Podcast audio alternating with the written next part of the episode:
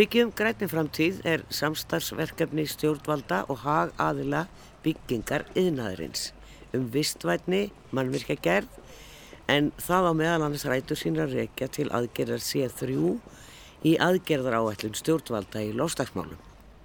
Verkefnastjórn verkefnisins er skipuð fulltrúum frá grænni byggð, samtökum yðnaðarins, viðagerðinni, umhverfistofnun, sambandi íslenskar sveitafélaga og félagsmálaráðunetunu og svo húsnæðis og mannverkastofnun. Verkefnið á rót sína reykja til aðgerðar sér þrjú eins og áður segði í aðgerðar áallum stjórnvalda í láfslagsmálum og er mikilvægt í ljósi þess að mannvirkja geirin ber ábyrð á 30-40% af losun á heimsvísu.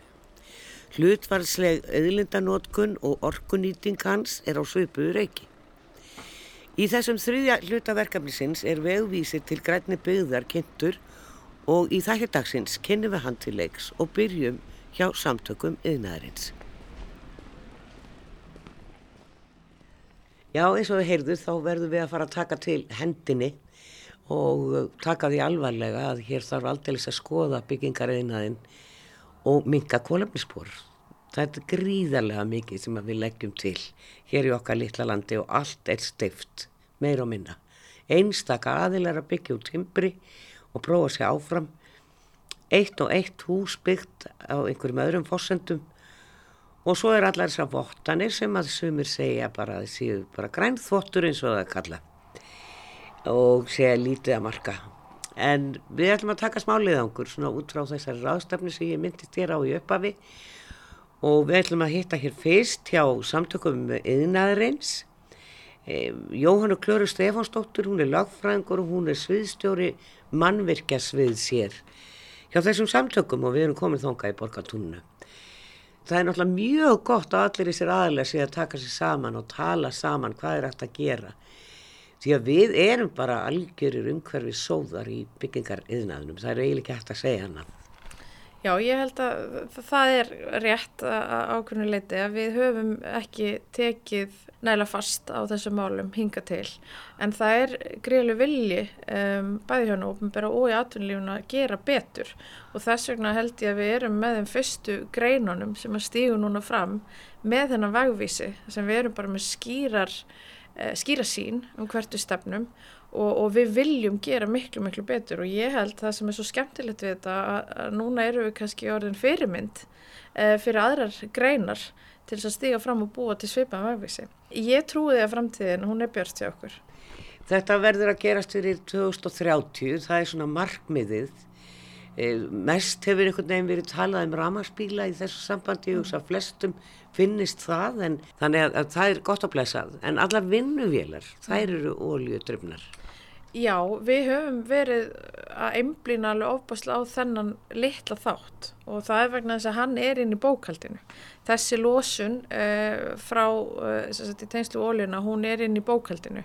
Það sem við eftir móti sjáum núna og, og þessi vinna við vegvísin var svo greiðilega mikilvæg fyrir okkur að við vorum í fyrstskipti að mæla heildar kól með sporið og það sem kemur svo óvart þar er hvað þessi þáttur sem við erum kannski búin að emblina svo gríðilega á hvað hann er lítill þáttur af heldar losun byggingarinnaris og það kom til dæmis mér bara persónulega mjög mikið óvart þegar ég skoðaði uh, orkunótkun bygginga, hvað hún er að losa mikið uh, og því ég held að við Íslandinga tölum hann bara, tökum hann ekki með. Um, og hún losa alveg greiðilega mikið og það er líka tækifæri uh, í alls konar byggingum að gera betur Stóra máli í þessu er svo líka byggingarefnin, Vi, við sáum það, það er langmesta lósunin og langmest hækifæri til að draga úr lósundi framtíð.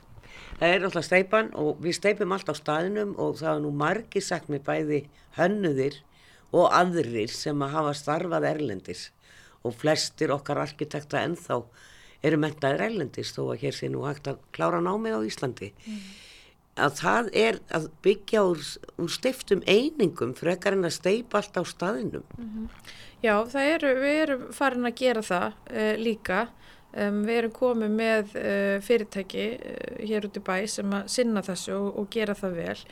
Það sem við verðum að huga þarna og, og kemur svo glögt í ljós og ástæðan fyrir að við fjöllum mikið um hönnuna þáttin í vegvísinum, það er að árangurinn í verkefninu að hann, hann við náum honum í, á hönnunastíði með góðum undirbúningi, með skipulæginu uh, og þannig geta hönnu dreyið úr raunverulega losunni, þeir geta dreyið úr því samstæður til dæmis við steipuframleganda, einingaframleganda uh, með því að skipulækja sér betur og, og endur hugsa hvernig þeir hanna um, byggingarnar.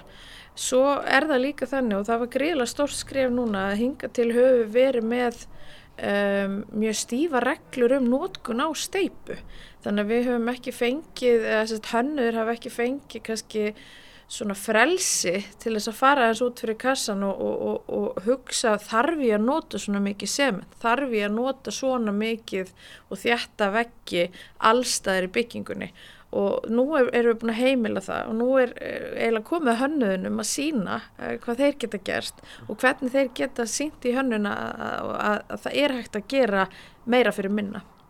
Þetta er náttúrulega gríðarlega losun eins og segir úr bara byggingunni sjálfri Já. og eh, einhvern veginn þá hvers vegna því það eru allir kringum okkur svona 15 árum og undan okkur hver, hver var hvatinn þar og af hverju hefum við ekki farið fyrir að stað? Þetta er bara mjög góð spurning. Um, ef við skoðum bara byggingariðinan í heild og það starfsumhverju sem að byggingariðinan hefur verið í hér á landi, þá hefur bara yngreinu sveiblast kannski tvöfalt meira heldur en önnur eh, aðrar atvinnugreinar í, í, í okkar samfélagi og við höfum búið við greiðalega óstöðu rekstra skilirði um, sem gerir þetta verkum að það er kannski erfiðar að gera svona langtíma áallanir og erfiðar að, að svona undirbúa hlutin og koma inn með nýjungar þegar þú ert einfallega bara að reyna að klára verkefnið þitt og, og, og Um, þannig ég held að þetta rekstar umhverfu er eitthvað eitt sem að er að breytast mjög hratt núna. Við erum að fá öfluru stopnanir, við erum að fá öflut innveðaráðuniti og það er verið að taka til í regluverkinu, það er verið að taka til í umhverfu þessar fyrirtækja og, og, og hvar þau fór að starfa og þá gefst líka sveigurum til þess að fara að huga að þessum þáttum. Við viljum ekki byggingarinnar eh, vera í svona staðstöð sem rússipanna reyð upp og niðurvanandi rekstur. Það eru auðvitað bara vilja allir sem eru í svona rekstri gera langtíma áallanir og fara að huga því að búa sér til kannski sérstöðu í tengslu við vistvæna mannverkíkjar, í gæði, eh, komið með nýsköpun inn í, í vöruna sína. Og það er það sem er að breyta skriðilega hratt núna að mínum að þið í, í greininni einmitt nýsköpun, rannsóknir er á mjög skortum skamti hér og það er verið að notast við jafnvel rannsóknir frá bandaríkjónum og ég meðal annars heirt að það verið að notast við bandaríska rannsóknir varðandi nýjan landsbítala mm. það er náttúrulega bara bandaríkin eru allt, allt öðru í sig en Ísland. Við getum einhvern veginn ekki byggt á þeim rannsóknum. Hva, hvað segir um þá það er svið hér á Íslandi? Þetta er nýsköpunarstofnum var lögð niður askur er fyrirbæri sem að leik dagsins ljós eftir mm. það mm. en mjög lit, litli peningar þar Já, þetta er þetta gengur ekki eh, eins og þetta er um, það er alveg ljósta að eh, askur sagt, er gríðarlega jákvægt er jákvæðarsjóður og það er gríðarlega jákvægt að þetta var sett uh, á stað en það eru 100 miljónir sem fóru í ask í fyrra, 100 miljónir sem fari í ár og næsta ári þetta 50 miljónir og setjum þetta í samhengi við byggingar eðnaðin sem að veltir miljörðum og það, bara þá hagsmunni sem að neytendur og íbúar hafa því að hlutinir séu hér í lægi að þá er þetta ekki neitt neitt. Og við verðum að búa til miklu betra umhverfi fyrir rannsóknur og nýsköpun í byggingarinnaði að þetta eru svolítið sérstakar rannsóknir. Um, þetta er svolítið sérstak umhverfi um, sem við þurfum að hlúa til þess að bæta hag okkar hér og til þess að stöðla hraðari vistandi uppbyggingu uh, aukinni nýsköpun af margvíslegum toga. Og, og þá eru við líka að tala um þetta eins og innivist sem við þurfum að fara að huga betur að. Uh, ljósvist. Allir þess að þetta sem við þurfum að rannsaka betur hér á landi við okkar sérstaku kringumstæður og við þurfum fjármægt til þess. Ráðhverjar voru nú mættir á, á þessa ráðstæfnu litlu sem var verið að fagna þessum vegvísi síðasta hluta.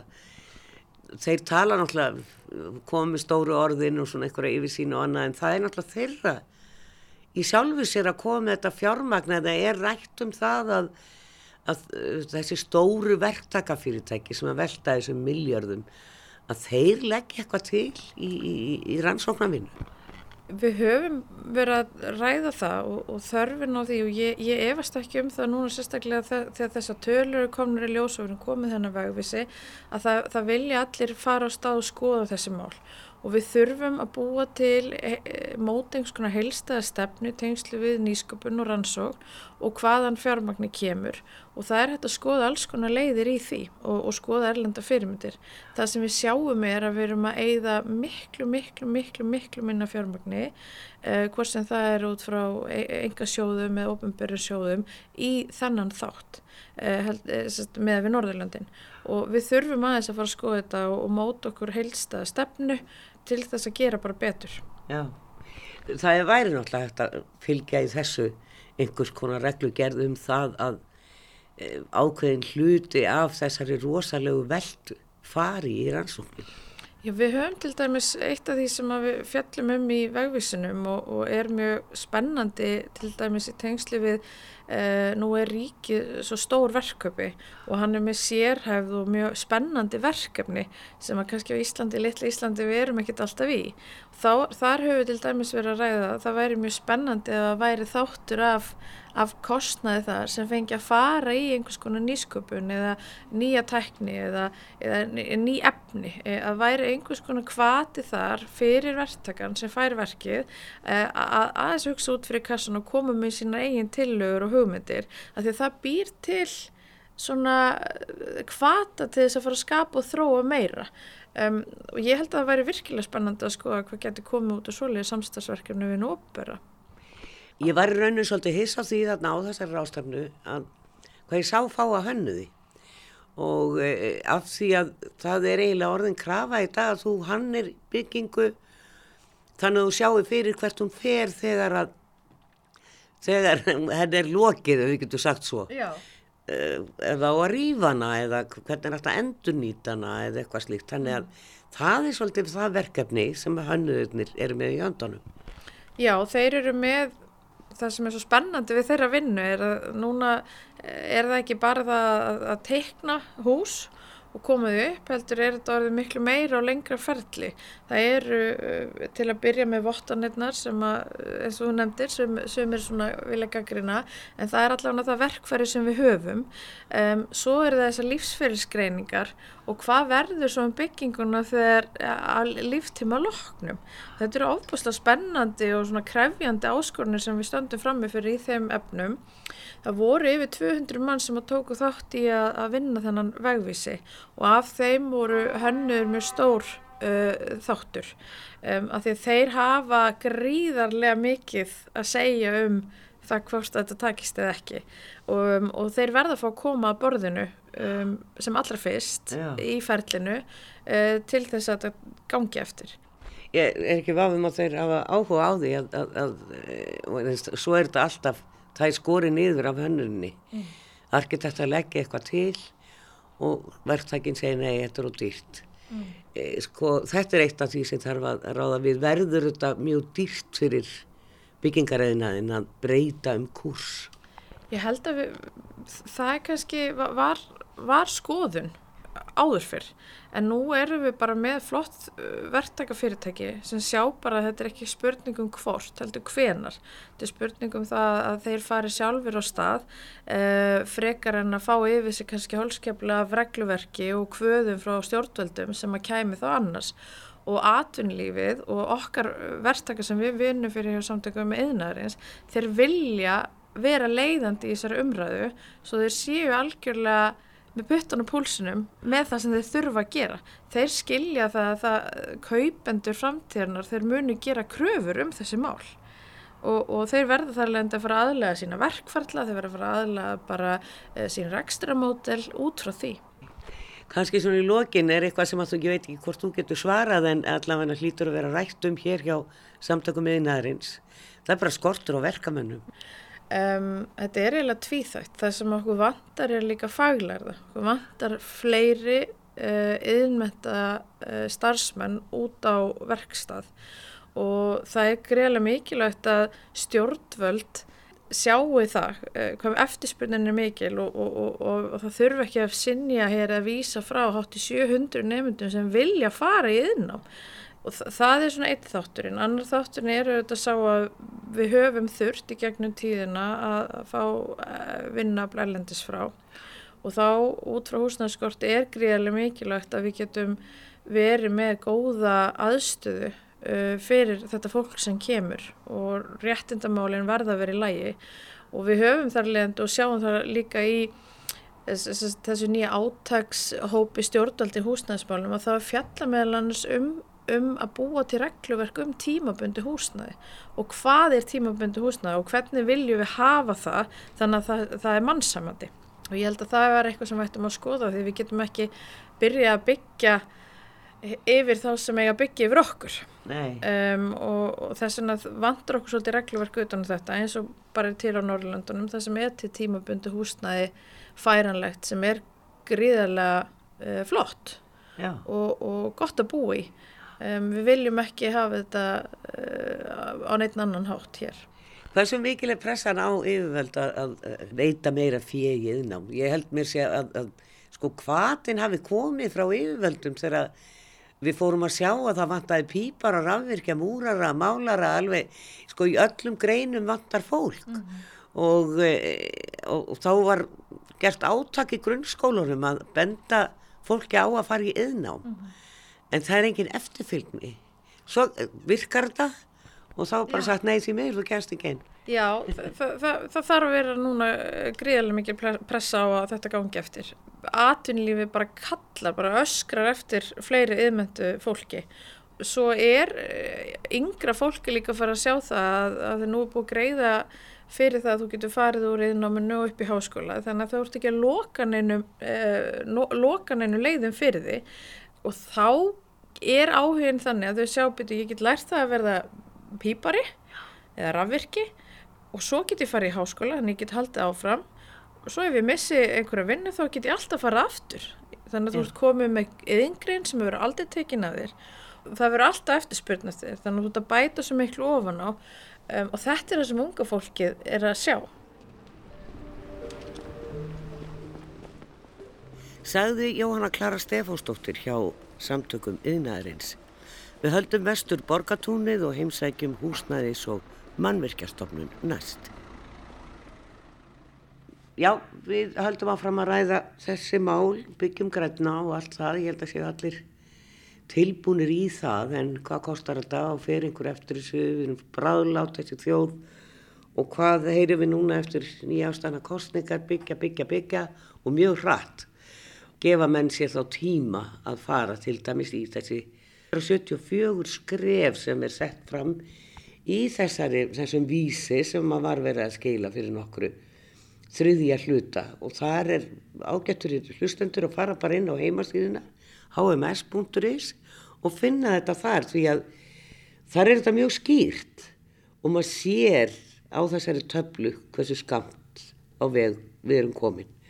Þetta er í litakóðum, hvað er byrjað, hvað er búið. Það eru tveir, tveir kaplar sem eru búnir og allt hitt er ennþá kvíkt á eftir að þetta er ekkit smá. Við erum hérna hjá henni Margetur Þóru Þorgistóttur verkefnastjóra hjá húsnæðis og mannverkastofnun. Hvað segir þú þegar verktakinn horfi nú á þetta? Hvað segir hann þá? Ég vona að hann sé sáttur og Já. horfi bjart sínum augum á þetta. Þessar aðgerir eru náttúrulega ekki gripnar upp úr gödunni. Það eru hátt í 200 mann sem að úr allir viðriskeiði mannverkigeran sem koma að því að skilgjörnins aðgerir. Það eru markvisar. Það er byggjarunni á niðurstöðum sem við fengum um losun íslenskra bygginga. Við sáum það að byggingarefnin eh, er að losa mest, með stærsta hlutanar kolunsbóri íslenska bygginga og, og þá þurfum við að horfa á það, já, ok, þá þurfum við að skilgjana aðgerði til að að draga úr til dæmis þeirri losun, varandi byggingarefnin. Já, eins og ég segi, hagsmuna aðeirnir úr veriðskeiðinu skilgrindi þessar aðgerðir, þannig að ég á vona því að byggingaræðinu séu sáttir við, þetta er rauninni komið að mestur hluta frá þeim. Við leggjum þetta þannig fram að þetta eru 74 aðgerðir sem að, hérna, e, við viljum fara í með markvið sem hætti aðgerir komir henni frá hagaðalunum og svo höfum við leita til um, þeirra aðalega sem eru best til þess fallnir að bera ábyrða á aðgerðunum og spurja hennilega eins og til mm. dæmis vinnu eftirlitið eru þið til í að, að reyna að greina hérna, uh, uh, vinnu vela flotan á Íslandi og sapna gögnum um það og byggum þar upp á og þau segja já endilega. Þannig að þá eru þau komið með þá aðgerð og munu vonandi hérna, fylgja henni eftir. Og, þannig má reykja í rauninni svolítið í gegnum um, allar þessar aðgerðir. Það er alltaf einhver, í langflestum tilfellum einhver sem allar að tryggja það að aðgerðinu fari framkvæmt Um, ok, við erum þess að 74 aðgerir og við hefum sett okkur markmiðum að draga uh, úr losunum 43% fyrir 2030.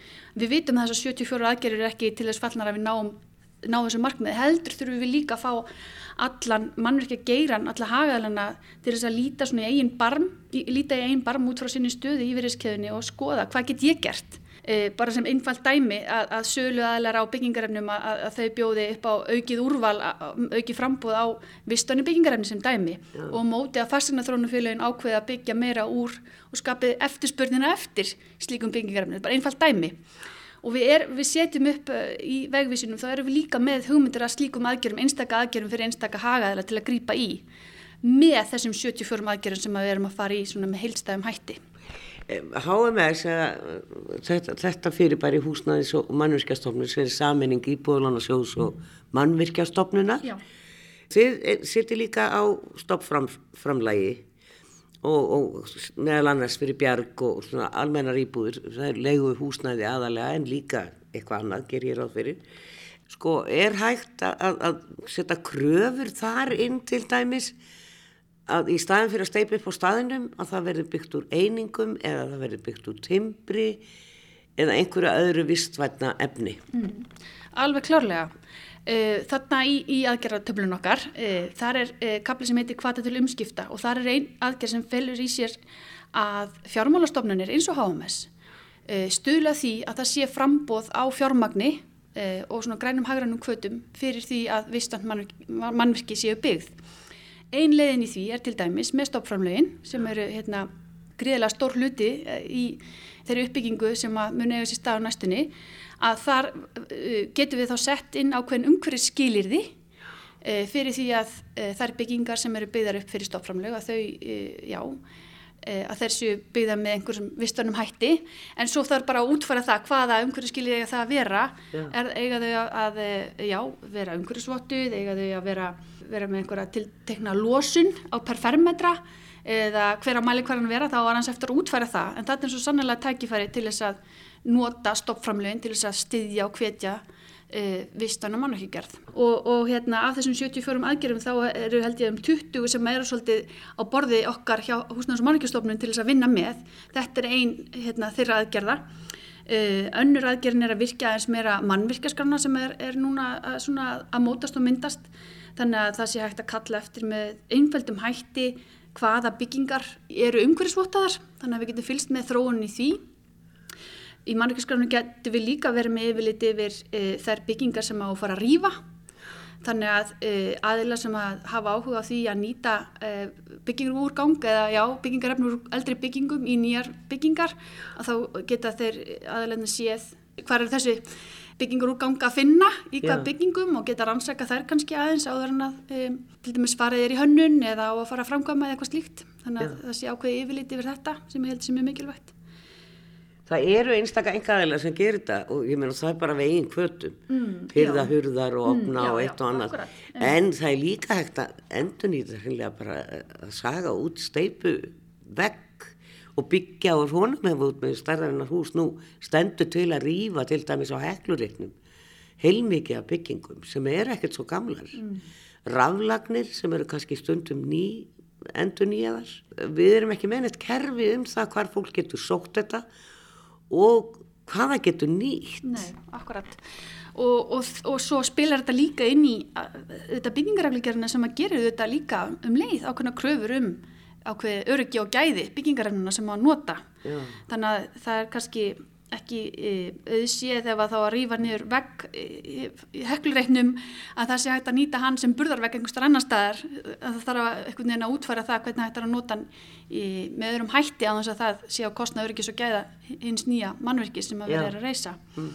Uh, og, og það þarf um þetta að skoða, það er líka önnur að gera að skoða byggingaræklingarina með augum hringrasa hagkerfisins og, og hérna sjá hvað við þurfum að breyta og bæta þar En þannig eru líka, við erum líka hugað rannsóknum, reynilega, skoða hvaða úrgangsströymar eh, eru stæstir þegar verið er að rýfa niður hús uh, og hvaða möguleikar eru fyrir þessa úrgangsströyma varðandi endur nýtingu og svo gefa leifinningar um ábyrgt og gott niðurif þannig að það sé hægt að tryggja það að hlutinni sé að eru séu endurnýtanlegir áfram. Það er margt í þessu uh, varandi þetta hringrarsagakerfi sem að, hérna, við erum að reyna að taka á með þessum aðgerðum.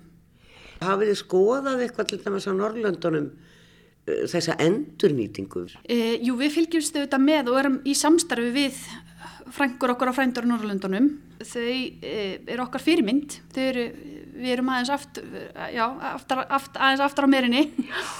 Um, og, og hérna, við sjáum dæmi hjá þeim þar sem að þau hafa verið að byggja jafnvel hús og endur gera hús úr endur nýttu byggingarefni og, og, en við sjáum líka að þetta er ekkit einfalt mál að, að endur nýtta byggingarefni e, með auðvöldum hætti af því að þau eru svo náttúrulega ólíka eins og þau eru mörg í raun og veru og það að finna eitthvað kerfi sem áviðum allt það er bara, það er hausverkur og maður sér að Norrlöndin eru að klóra sér hausnum yfir því en, yeah.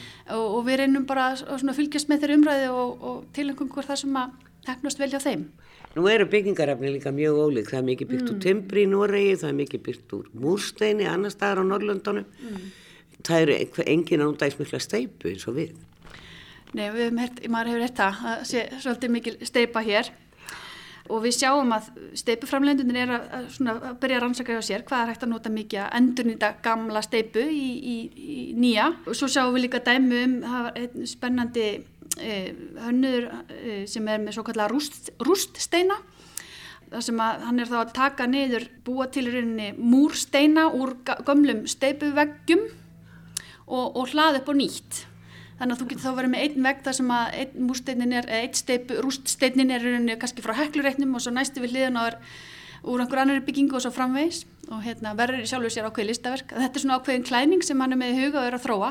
Já. en það er til dæmis eitt dæmi um mjög frábara endurnýtingu á, á steipu þannig að hérna, það er ímsar lausnir til. Við þurfum bara leggja hausin í bleiti og, og, og finna þær. Sko þetta er svo nýtt að nálinni hér einhvern veginn og þessi bara yfirlt þessi byggingabransi sé að pæli í þessu. Mm. af því að bara fyrir þrejum fjórum árum það var engin að pæli í þessu. Nei, þannig það var eitthvað sérvildringa sem var að byggja þessi svansvort á hús mm -hmm. mm. og það var bara að fara í bíltúr upp í Garðabæð sko þetta hús.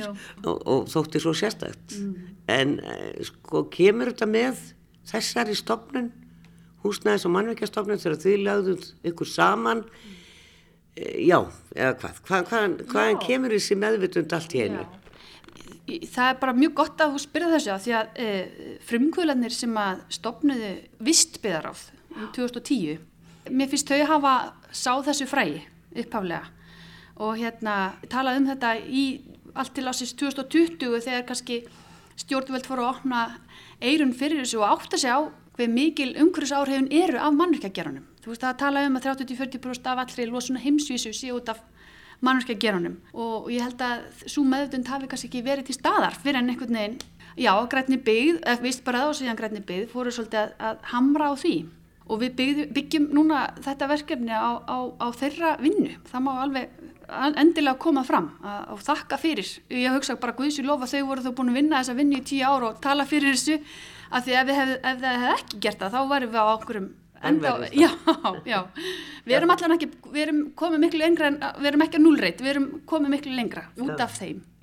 En uh, talandu um að því svona um niðurrif sko er það skipulagsins eða hér sko ef að, ef að hönnur og, og verktækja ákvæði í saminningu að þetta verður að rýfa til þess að hér getur orðið einhver hagkvæm byggð er þarf að tak, sækja um leiði, ég minna er það skipulagi borginn sem segir já eða nei?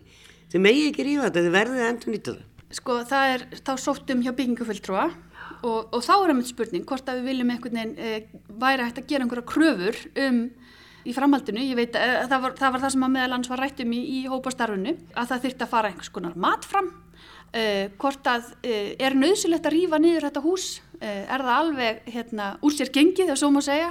Eða er mögulegar á að, að endur nýta það, laga það til endur, farið endur bætur já, nýta húsnæði sem er til þessi staðar til þess að það þjóni þeim tilgangi sem til er ætlast með nýju mannverki. Við Þannig að það er ekki komið svo langt. Nei, en það var einn hugmyndin. En eins og við sjáum hér bara í borgatúninu sem er náttúrulega mjög undarleg gata og ég hef oft haft að hör- orð á það er standa öll hús hér inn í lóðina og stæði fyrir framann, stæði fyrir aftan og stæði með hliðunum þetta eru afskaplega illa nýttar lóðir í rauninni E, þetta er það sem að maður sér víða í Reykjavík að hús eins og bara gamla mokkahúsið upp, í- upp á listabraut sem á að rífa, risa bygging stendur inn á miðri lóð og, og stæði allan ringin í kring. E, þannig að maður skilur svo sem ok, þetta er mjög vannýttar lóðir. Heklureiturinn er eins. Við höfum náttúrulega í skipulæðinu kannski gert, þetta kemur því máli rosalega mikið við hönnun á skipulæði Á því stígi, hannunar og skiplastíginu, það hefur hvað mest áhrif á hversu vistant mannverkið er. Og einmitt við erum með sérstakann kabla um, um hönnun og, og skipulag aðgerið sem að tengjast því. Til dæmis eins og e, maður sér að skipulastofnun er að vinna með loftslagsmiða skipulag og koma með e, leiðbynningar sem er að, að hjálpa sveitifölugunum að stula því. 20 mína hverfin hefur maður hér tala um, talað um og svo framvegist. Þannig að greiðilega mörg tækifæri varandi skipulag sem á að leiða til vistandi mannkigerar bæði líka og líka tengslu við það að við getum lifað vistanum lífstíl. Það flétta svo sannarlega þannig inn. Varandi hönnununa að þá er einn mjög mikilvægur liður í verkefninu að það er að samræma aðferðafræði við gerð lífsferis greininga. Það er að segja hvernig við reiknum út kólumspor mannvirkja. Um, það er mælst til þess í byggingaræklu gerð í dag að við, við gerum það en, en ég, þegar uh, matið fór fram hérna fyrra á losununni þá lágu held í tíu lífsfjörskreiningar fyrir hérna á Íslandi. Það eru ekki fleiri. En, en við, við heyrum að það eru fleiri pípunum þannig að þetta er, hérna, þetta er eitthvað sem að mennir og konur eru byrjar að gera.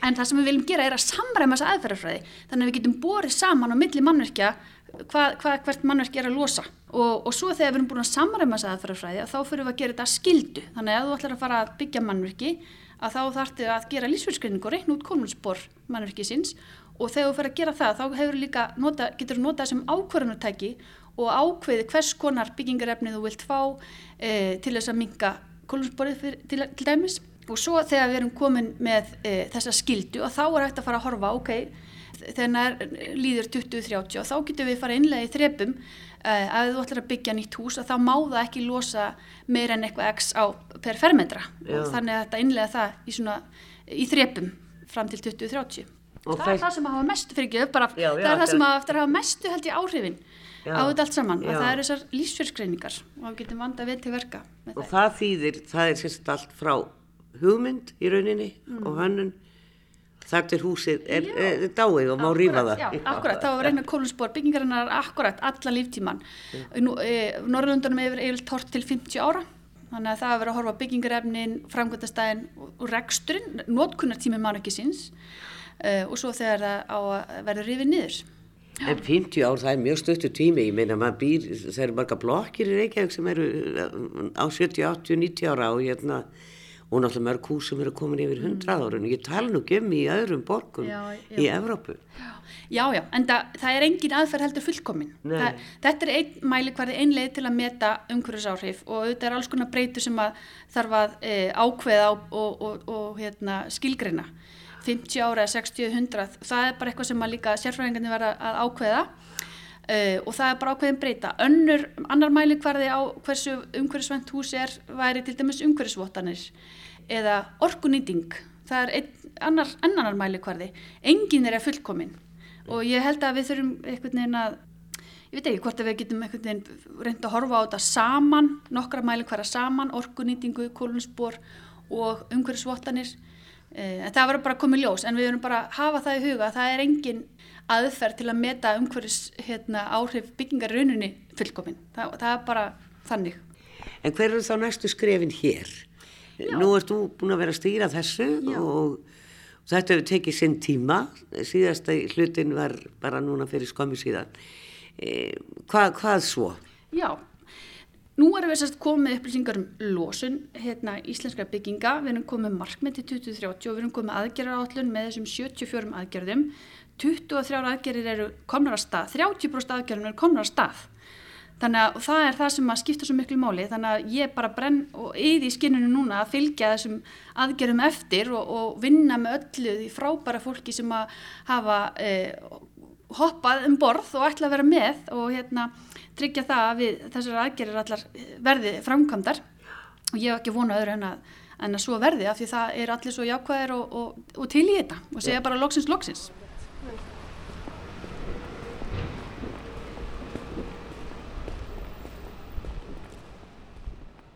Já, þetta er nú ekki allt saman dans á rósum eins og við vitum og það er ósköp lítið sem er farið á stað í vistvætni mannvirkjagerð á Íslandi. Eins og þið hafið heyrt, það er svona eitt og eitt verkefni. Allt af litli peningar í rannsóknir, hvernig hefur að vera í nýsköpun ef engin peningur er til að rannsaka verkefnin og við verðum að gera okkar eigin rannsóknir því að hér er viðfar og annað bara öðru í sen til dæmis í bandaríkjónum eða bara Norri og við ætlum yfir að tala eins um Noreg.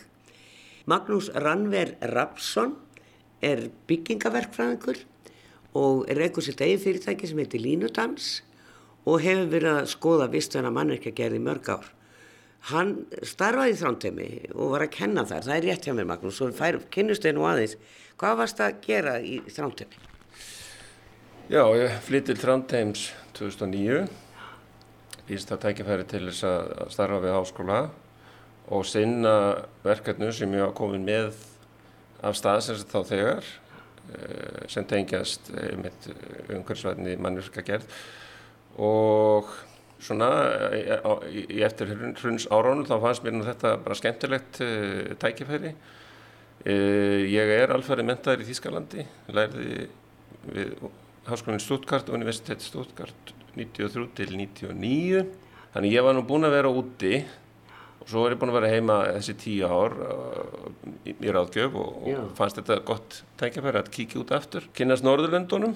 Og þannig ég fór að vinna þarna í sérst, viðkennslu í, í mannverkja greinum sérsviðið að mér er byrðverki efnis- og eðlisfræði mannverkja og umhverju smálinn sem tengjast mjög mikið börðarþós hönnun þó það sé ekki auðlust þar verður efnismæðisinn til og ég var þarna að starfa þarna allt í allt í fram til bara síðast ás 2021 og kom heim. COVID svona aðeins kannski tryggir að maður dreif sér bara heim sko og nú kannski búin að hugsa það svolítið tíma. Já, þannig að sérst, ég hef svona verið að velkjast í þessu þar í svolítið tíma.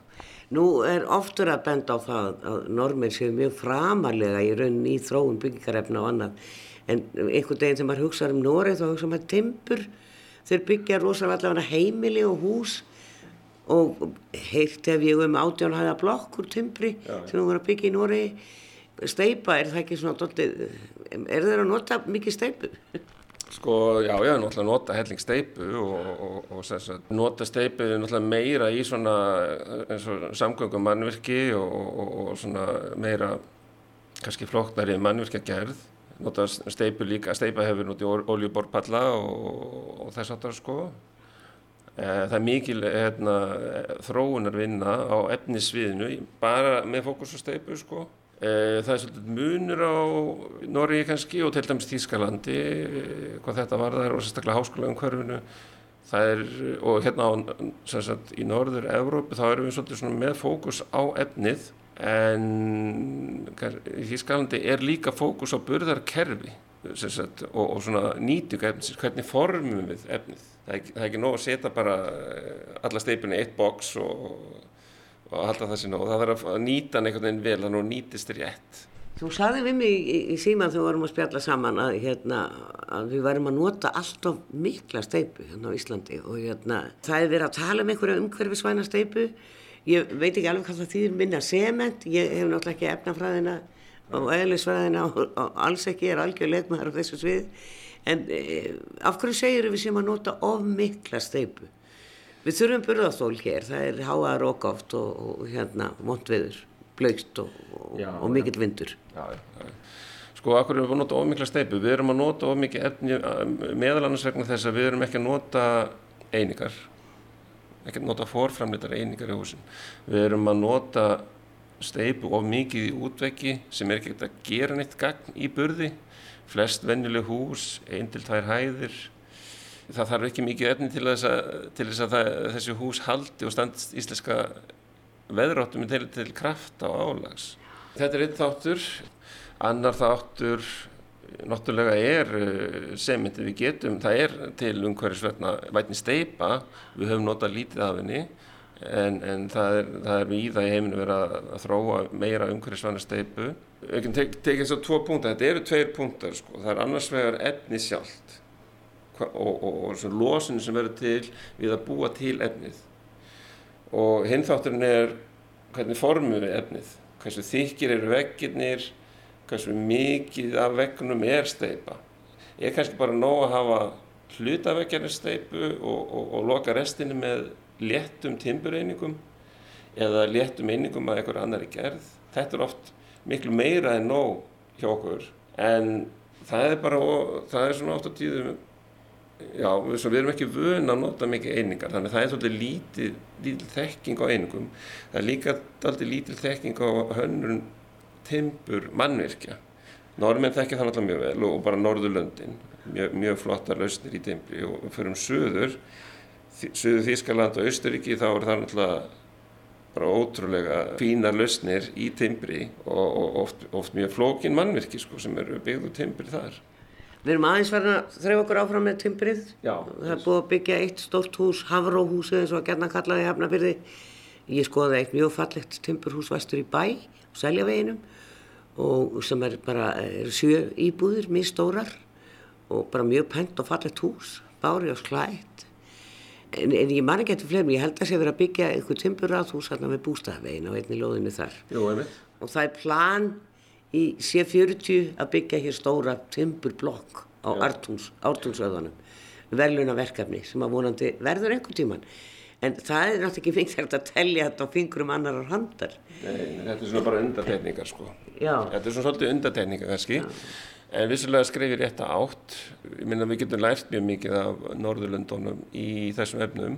Og við erum áfram samt þó við notum meira timpur þá er áfram krafum að að eh, eins og, og krosslindar timburreiningar að þær, þær geta náttúrulega miklað eins og annan timbur ef það er ekki hugaða loftun og, og, og réttir með réttur samspil eins og þess að raka á loftunar.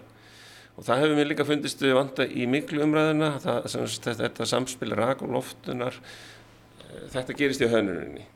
Það er hönnunin sem er alltaf að klika og það er líka með umhverfsmálin það er hönnunin. Við fáum stundum á lítinn tíma til þess að hanna Eh, húsinn sko og steift mannverki oft á tíðum enda í, í því að vera full efnismikil. Jáfnvel kannski bara að því að hérna, það var bara lítið tímið sko. Þetta hefur náttúrulega verið okkar við erum svona lótu fólk og hérna, einhvern veginn, fólk fyrr það var ekkert byggt hérna eftir hrun og bara verktakar fóru á hausinn og flúðuland og, og hvað veit ég eins og þú, Já. 2009 þú ferði á þessum tíma til Strandheims. Um, og bara einhvern veginn allt er stoppað. Svo kemur þetta, það kemur náttúrulega góðari og það byrja að byggja og það er verið að lána og til hæra og vinstri og fyrsta íbúð og allt þetta verið að liðka í gerfinu svo er núna allt, nú kemur bara verðbólk og allt komið í stofu aftur og við erum í þessum endalösu sviplum e, þetta hlýtur að hafa virkilega slæmar afleðingar bæði fyrir rannsóknir og, og svona stefnu það eins og segir. Þetta, þarf að ganga allt og frætt Já, þetta, þetta er nefnilega einmitt svolítið, svolítið mikið vandamál sko því að sko fjármögnun, maður hefur nú oft lendið því að, að, að það er ekki hægt að byrja hönnunavinnu í einhverjum verkefnum að það er ekki komið fjármögnun og svo er beðið vikur og mánuði og, og, svo loksins kemur fjármögnunin en þá vil verðstakki bara fara að byggja á morgun sko. Þannig að það er ekki tími, sko, fjármögnunar aðalar, þeir, þeir veita hönnuna þættunum ekki næga aðtekli. Það þarf meiri tíma þó mann séu kannski ekki að vinna sleitulust í verkefninu í eitthvað lengar tíma þá er bara oft aðeins meiri svona umhugsunatíma með góða lustnir ja. og sérstaklega ef, ef við erum að fara innlega breytingar þá þarf að gefa því aðeins, aðeins tíma sko. Já og svo annað í þessu líka einmitt að, að að við horfum sko á nágrannlöndin og flest lönd í Európu þegar þau steipa mannvirki þá er langstæstu hlutin 80-90% er framleitt í einingum að því að einingaframnisla er hagkvæmari, hún er efnisminni, það eru sagt, meiri gæði, að það er allt framleitt með bara við staðlæður og eksmið aðstöður, alltaf sumi aðstöður, ekki, brála rók á morgun og, og, og rigning næsta dag sko. Og svo er líka það að hérna, þetta mingar mengun á byggingastað Ég, sko, þetta er alls ekki fyrsta sinn sem ég heyri þetta. Ég heyri þetta frá ungum arkitektur sem hafa verið og meðal annars eitt sænskur sem hann lærði í Svíþjóð og hann sagði að það væri bara meira minna allt byggt úr einingum í Svíþjóð þar sem að steipa var notu. En mér finnst einhvern veginn eins og það hafi verið gert hér um tíma meira enn í dag og auðvitað er verið að byggja eitthvað úr einingum en, en, og það eru versmiður hér sem að framlega þessar einingar. Mér finnst eins og það hafi, já prófum þetta og svo, eh, þetta er svo íslenskt, prófum þetta og svo fara að menna að prófa þetta og svo allt í neini, förum bara aftur að steipa og, hérna, og þetta mingaði aftur. Já sko, ok, það, það er nú reynda þannig held ég að allavega núna undanfæri, það er alveg aukning í einingum sko, það er aukning og, en, en vandamáli er einmitt þessi sko, sko við byggjum annarkort ekki eins og ástatalum, svo þegar við förum að byggja þá er komin eitthvað svona þensla og þá er bara allt á fullt Já. og þá annað sko versmiðunar er ekki því sem að kemur þannig að, að Vestbjörna geta svolítið svona stilt verðin bara með við það sem er gengur og gerist í staðsteipu þannig að þessi verðmunur eh, þessi hagkvæmni sem að sérst í, í stærri löndum sem er að búa við jafnvægi hún kemur ekki fram hér. Þess að segja mér alltaf já þetta er bara ekkert þetta er ekkert hagkvæmara. Það er bara best að gera þetta svona. Nota bara gamla mótin sín og, og, og, og staðsteipa þannig að þetta er svona vinnulag sko, sem við komumst ekki upp úr. Nei, það er ímislegt sem þarf að gera og við vitum þá, við skulum vona þessi vegvísir íti einhverju á stað.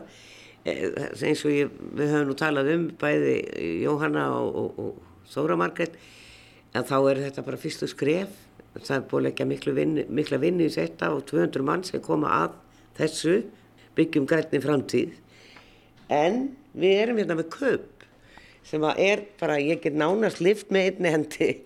Þetta er svona ég veit ekki að koma við þetta er þetta eins og þetta sé bara úr plasti. Þetta er einhvers konar trefjar. Og þú ert með þetta fyrirtæki eh, línudans. Og þetta eru trefjahús og ég sagði nú bara fíkur þetta ekki bara á Íslandi? En hvað er þetta? Metri, þetta er ekki metri þetta er hvað er þetta, hálfu metri? Þetta, þetta er 50 sem 50 50 sem 50 og hvað, hvað svo djúpur er hann þetta er cirka 25 já, það er bara það. Og þetta er eitthvað sem að þú ert að prófa því áfram með að byggja hús úr já, þessum trefn Sko, já, já, línudans þau stofnum línudans 2009 þá er, þá er eh, fyrirtæki stofnað um umhverfisvæna mannurska hönnun mm. með markmiðum að minga losun og, og við erum líka að vinna með svona sjónræna áhrif í náttúrunni, verjum það svolítið með fókus á háspennum östur og svona. En, en fundum til dæmis lausnir til þess að minka losun mælanlega í flutniskerfum rávorku um 20.000 á hverju ári, bara þar. Yeah. þannig að það var strax ljóst sko að efnismassin að mikill efnismassi og þetta skiptur ósvæmlega miklu máli e, í heldinni í vegvísunum er ekki, ekki tekið til til losunar í samgöngum og orkukerfum og, og innviðum sko. Það kemur kannski setna en þetta hérna, er sem sagt eh, síðan að sprengja þessari vinni sem hóst fyrir 14 árum. Jaha. það er að segja trefjaefni. Trefjaefni eru, eru ofur létt, ofur sterk efni sem að geta líka borið mikið álag. Hönnun trefjaefni er svolítið svipið og hönnun eh, steinsteipu í steinsteipin eru við með steipuna og svo eru við með eh, steipustyrta stál sem að styrkja steipuna og tekur uh, tókkrafta í steipinni og meðan steipan er mikið að bera þrýstikrafta og góði því. Trefjarni eru svolítið svipu. Þar eru við með trefjar sem eru staðsettar akkurat rétt í efninu eins og það þurfa að vera til að bera eitthvað til hérna krafta og er síðan steiftar í, í lím. Og það er rosalega þróun í þessu flugvila, geirin, bíla, geirin, allur á leiðin inn í, inn í trefjaefni. Og mínu mati eru trefjaefni svolítið svona, hvað sé að 21. öldin í verkvæði og þetta er svolítið, sko, þetta er sem sagt, uh, það er í þessu kjarni sem er líka einangrandi og, og getur borðið svolítið aflag þó að megin burðurinn sé í, í efninu sem, er, sem að kjarnin er síðan steiftur inn í. Og það er sem trefjarni sjálf, hérna ytra og innra byrði. Og þetta þetta forma bara eftir, eftir vild. Er þetta, sko, það er eiginlega tvæ spurningar. Að þetta er svo létt. Þú tókst þetta bara hérna upp og fluttur þetta til mín. Stóran kaup og hérna að þá sem að fíkur þetta ekki? Og svo líka bara hvert er Það fíkur eða er ekki fest niður. Maður eru séð svona kuppahús sem Já. eru þá með uh, uh, timburkurli og steipu eh, já, heyriði þetta þetta er eins og plast hérna. en, en svo líka bara eldhætta já, eldhætta Já, það þarf að, ve- sérst, eh, akkurat þetta hér og svona, svona venjulegt trefjaefni þar, þarf að verja. Ha. Það þarf að verja það með, með eldarnamálingu eða, eða gifsi eða einhverju slíku, bara eins og við verjum stál, stál þarf Já. að verja líka. Og svo eru til trefjaefni sem að þóla mikið nýtt að þóla eld og eru þess að notuð í eldflöðatækni og þess að það sko. Trefjaefni byrja svolítið þar sko og þetta er, það er rauninni hátt í 100 ára reynslan og þegar komin með allavega 80 ára reynsla komið með sem notkun og trefjaefnum og orðið mikil þróun. Veist, Það er í rauninni, sko þeir eru flóknari viðfangs og það þarf meiri þekkingu á, á, á teknin til þess að geta nota þau. Þetta er ekki mikið nota á Íslandi en þó er eh, hátt í 50 ára reynsla á notkun trefjaefna í bátasmíði. já, einmitt Og það er einmitt hérna, þegar Líndar stofnar sín tíma þá, þá er þar með okkur trefjar EHF jafnafyrði sem er reynsluboltar í nótkunn og trefjaefnum og, og svona byrja að þrjá okkur áfram þá náttúrulega með þetta. Þannig að, þannig að það, það er alveg tölver reynsla sko með þessi efni á Íslandi og það eru meira komið, náttúrulega össur, stóttækja fyrirtæki, notar koltrefjar, notar trefjaefni. Þetta er farsælasta nýsköpunum fyrirtæki landsins já, og svo eru fleiri, fleiri fyrirtæki að koma og tilenga sér trefjar, þar með það lauf e, sækling, byrjaði að framleiða hjólagafla og eru núna að framleiða hérna, hjól já, já. í trefjaefnu. Það er alltaf bætast í flóruna. Saði Magnús Rannveig Rapsson hjá Línudansi. Það eru nefnilega margir einstaklingar að prófa eitt og annað sem gæti síðan orðið eitthvað, stærra og verðmætara. Þó svo að Magnús sé ekki mjög bjart sín á þær aðgerði sem að þegar eru hafnar eða er að byrja, þá vonist nú til að, að fólk verði bjart sína og verði dugleira að taka á þessum vandamálum okkar. Við komumst ekki lengri í dag og ég byrði ykkur vel að lifa, verðið sæl.